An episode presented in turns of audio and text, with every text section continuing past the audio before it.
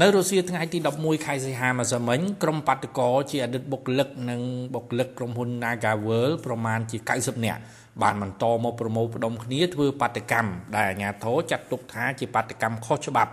នៅមហាវិថីសម្ដេចព្រះសុទីរស់ដោយធ្វើដំណើរលើទ្រូងផ្លូវចាប់ពីមុខចំណុចផ្សារទំនើបអ៊ីអន1មកកាន់ចំណុចសួនច្បារមុខសាកលវិទ្យាល័យបៀប្រៃដែលស្ថិតនៅជិតក្រុមហ៊ុន Casino Nagavel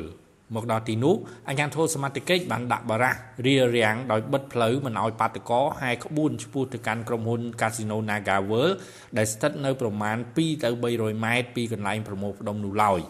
ដោយសារតែក្រុមបាតុករដែលជាស្ត្រីចង់រុលទៅមុខក៏មានការប៉ះទង្គិចគ្នារហូតដល់មានស្ត្រីបាតុករយ៉ាងហោចណាស់3នាក់ត្រូវរងរបួសនិងត្រូវបានបញ្ជូនទៅសង្គ្រោះភ្លាមៗនៅមន្ទីរពេទ្យក្រមស្ត្រីបាតុករបានលើកឡើងយ៉ាងដូចនេះថា ខ្ញុំចង់ប្រាប់ថាខ្ញុំមកធ្វើនេះអត់មានអាគេញុះញង់អីទេអានេះឃើញវិឆន្ទៈខ្ញុំទេខ្ញុំគ្រាន់ចង់បានដំណោះស្រាយចង់បានយុត្តិធម៌ពីតកែណាកាវលហើយខ្ញុំចង់ឲ្យមានវត្តមានសហជីព LRSU នៅក្នុងក្រុមហ៊ុន Nagavel ឈរនឹង78ខែខ្ញុំអត់មានដំណោះស្រាយទេអញ្ចឹងខ្ញុំចង់ទៅឈរនៅមុខ Nagavel ខ្ញុំប្រើច្បាប់កតកម្មដើម្បីចង់ឈរនៅមុខក្រុមហ៊ុន Nagavel ពេលខ្ញុំ ចង់ទៅមុខណាកាវើហ្នឹងក៏ចម្រងចម្រាស់គ្នាក៏រុញទៅរុញមកទៅដល់ហើយខ្ញុំដួលគៀនឡាននោះមុននឹងខ្ញុំដួលហ្នឹងអាញាធរគឺលើកអាយកោមវាយដៃនាងខ្ញុំជាមនុស្សស្រីបើមិនវាយគេអញ្ចឹងម្នាក់ទៀតយកជើងមកធាក់ជើងនាងខ្ញុំធាក់ហើយទៅពេលហើយតែបន្ទាប់ចុះឡើងក៏ដួលហើយត្រូវទាំងដៃទៀតទៅពេលខ្ញុំដួលទៅគាត់ជើងគាត់ ជើងអាញាធរខ្ញុំមកដឹងមុខគាត់ណាគេព្រោះខ្ញុំដួលហើយលេងមកជើងចំកញ្ចឹងកនេះចង់ស្លាប់ខ្ញុំមែនឯកសំខាន់អាញាធរឲ្យគាត់លើកជើងមកធាក់មនុស្សស្រីវាយពួកម៉ាក់ខ្ញុំដួលស្លាប់ឈាមច្រមុះគាត់មកចង់ថាអារម្មណ៍ហ្នឹងខ្ញុំយំមុនហ្នឹងគឺខ្ញុំមិនយំដោយសារតាឈឺហ្នឹងគឺខ្ញុំឈឺចិត្តហេតុអីខ្លួនឯងស៊ីប្រាក់ខែគេស៊ីប្រាក់ខែរៀនណាស៊ីប្រាក់ខែពួកខ្ញុំឯណាបងបងអាញាធរហេតុអីក៏ឯងលើកជើងធាក់ខ្ញុំលើកឯកុំវាយខ្ញុំហើយ ទៅវាយពូម៉ែខ្ញុំឡើងឡើងឈាមច្រមុះឡើងឡើងស្លាប់ហើយគិតមើលមកកតកម្មហ្នឹងម៉ោង2ហើយប្រហែលជាខ្ទង់ម៉ោង3ហ្នឹងទៅមានព្រឹត្តិការណ៍ហ្នឹងកើតឡើងហើយខ្ញុំមានអារម្មណ៍ថាខ្ញុំអត់ដឹងនិយាយអីមួយពួកក្រុមអាជ្ញាធរដែលគាត់ធ្វើបែបហ្នឹងមកលើពួកស្ត្រីហើយប៉ុន្តែគាត់ជាអាជ្ញាធរហើយជាមនុស្សប្រុសទៀតគាត់វាយស្រីមិញហ្នឹងមិត្តភក្តិខ្ញុំគេឈាមនៅក្រាលខ្នងគាត់វាយគាត់លើកដៃវាយហើយវាយទាំងពួកខ្ញុំវាយទាំងខ្ញុំទោះថាខ្លួនគាត់ហ្នឹងមានតែជាមនុស្សអត់ មានចិនទេជាអាញាតការពីផ្ទៃអត់ខ្ញុំត្រូវឡើងមុខនេះហើយខ្លួនខ្ញុំក៏ត្រូវដែរព្រោះគាត់ទាត់ធាក់ពេញហ្នឹងហើយបងខ្ញុំខ្ញុំនៅអះអាងថាខ្ញុំនឹងឈរនៅទីនេះនៅតែតវ៉ាជាមួយក្រុមហ៊ុនណាកាវើលុះត្រាតែមានដំណោះស្រាយអត់មានដំណោះស្រាយពួកខ្ញុំអត់ឈប់ទេបង ក្រោយការប៉ះទង្គិចនោះគឺនៅយប់ថ្ងៃទី11ខែសីហាអាជ្ញាធររាជធានីភ្នំពេញបានប្រកាសថាតាមរយៈផុសតាំងដែលមានស្រាប់នានាអាជ្ញាធរមានសមត្ថកិច្ចនឹងចងក្រងកសាងសំណុំរឿងបញ្ជូនទៅកាន់ស្ថាប័នតុលាការដើម្បីនាំជនដៃដល់មកផ្ដន់ទាទោសតាមច្បាប់នៅសកម្មភាពបំផ្លិចបំផ្លាញទ្រព្យសម្បត្តិសាធារណៈប្រើអំពើហិង្សាមកលើសមត្ថកិច្ចក៏ដូចជាប្រមាថមកលើមន្ត្រីរាជការកំពុងបំពេញភារកិច្ច អាញាធរលើកឡើងថាដោយសមមួយដងក្រោមការរៀបចំផែនការរួចជាស្រេចរបស់ក្រមមនុស្សមួយក្តាប់តូចដែលនៅពីក្រោយការរៀបចំឈុតឆាកសម្ដែង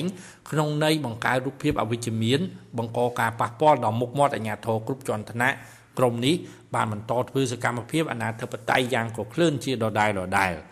ចំណែកអំពើហិង្សានោះត្រូវបានអាជ្ញាធរសមត្ថកិច្ចប្រកាសថាក្រមបាតកោបានរៀបចំបង្កើតឡើងដើម្បីទម្លាក់កំហុសមកលើអាជ្ញាធរសមត្ថកិច្ច ថាបានប្រើអំពើហិង្សាលើក្រុមបាតកោអាជ្ញាធរសមត្ថកិច្ចប្រកាសថាក្រុមបាតកោបានធ្វើសកម្មភាពញុះញង់ដុតកម្ដៅបញ្ឆេះកំហឹងបន្តការជេរប្រមាថមកលើមន្ត្រីសាធារណៈហើយថែមទាំងជន់កំតិចបំផ្លាញបារះធ្វើឲ្យខូចខាតជិត20ផ្ទាំង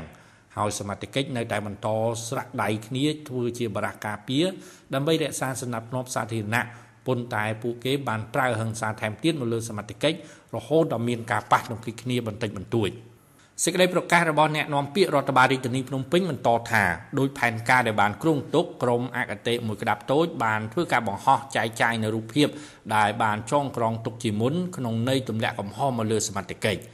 អ្នកនាំពាក្យរដ្ឋបាលរាជធានីភ្នំពេញបានបញ្ជាក់បន្ថែមទៀតថា រៀងរាល់លើកដែលមានសកម្មភាពធ្វើបាតកម្មខុសច្បាប់របស់ក្រុមបាតកោជាអតីតបុគ្គលិកនិងបុគ្គលិកក្រុមហ៊ុន Nagavel មិនដែលមានព្រឹត្តិការណ៍កើតឡើងដូចថ្ងៃនេះទេប្រសិនបើក្រុមបាតកោមិនធ្វើការបុកទម្លុះបារះនិងបង្កអំពើហិង្សាមកលើសមត្ថកិច្ច សូមរំលឹកថាវិវាទការងារនៅក្រុមហ៊ុន Casino Naga World បានកើតឡើងចាប់តាំងពីខែធ្នូឆ្នាំ2021ដែលក្រុមបាតកោបានប្រមូលផ្ដុំធ្វើបាតកម្មក្នុងនោះក៏មានការតវ៉ានិងការបង្ក្រាបបាតកម្មជាញឹកញាប់រហូតដល់ចាប់ខ្លួនមេដឹកនាំសហជីពនិងតំណាងបាតកោដាក់ពន្ធនាគារថែមទៀត ក្រោយមកក៏មានការដោះលែងតំណាងបុគ្គលិកតវ៉ានិងតំណាងសហជីពពីពន្ធនាគារហើយមានកិច្ចប្រជុំចរចារាប់មិនអស់រវាងតំណាងបុគ្គលិកតវ៉ានិងតំណាងក្រុមហ៊ុន Nagavel ក្រោមការសម្របសម្រួលរបស់ក្រសួងកាងារប៉ុន្តែការចរចានោះមិនត្រូវរើគ្នាឡើយចុងក្រោយនេះក្រសួងកាងារបានរុញករណីវិវាទការងាររបស់ក្រុមហ៊ុន Nagavel ទៅតុលាការដើម្បីដោះស្រាយតាមច្បាប់ ក្រោយការចរចាសម្របសម្រួលមិនត្រូវរើគ្នារវាងតំណាងបុគ្គលិកតវ៉ានិងក្រុមហ៊ុន Nagavel សូមលើកថាការតវ៉ានេះគឺកើតឡើងបន្ទាប់ពីក្រុមហ៊ុន Nagavel បានសម្រេចបញ្ឈប់បុគ្គលិកកម្មករ Nagavel ចំនួន1329នាក់ក្នុងចំណោមបុគ្គលិកសរុបជាង8000នាក់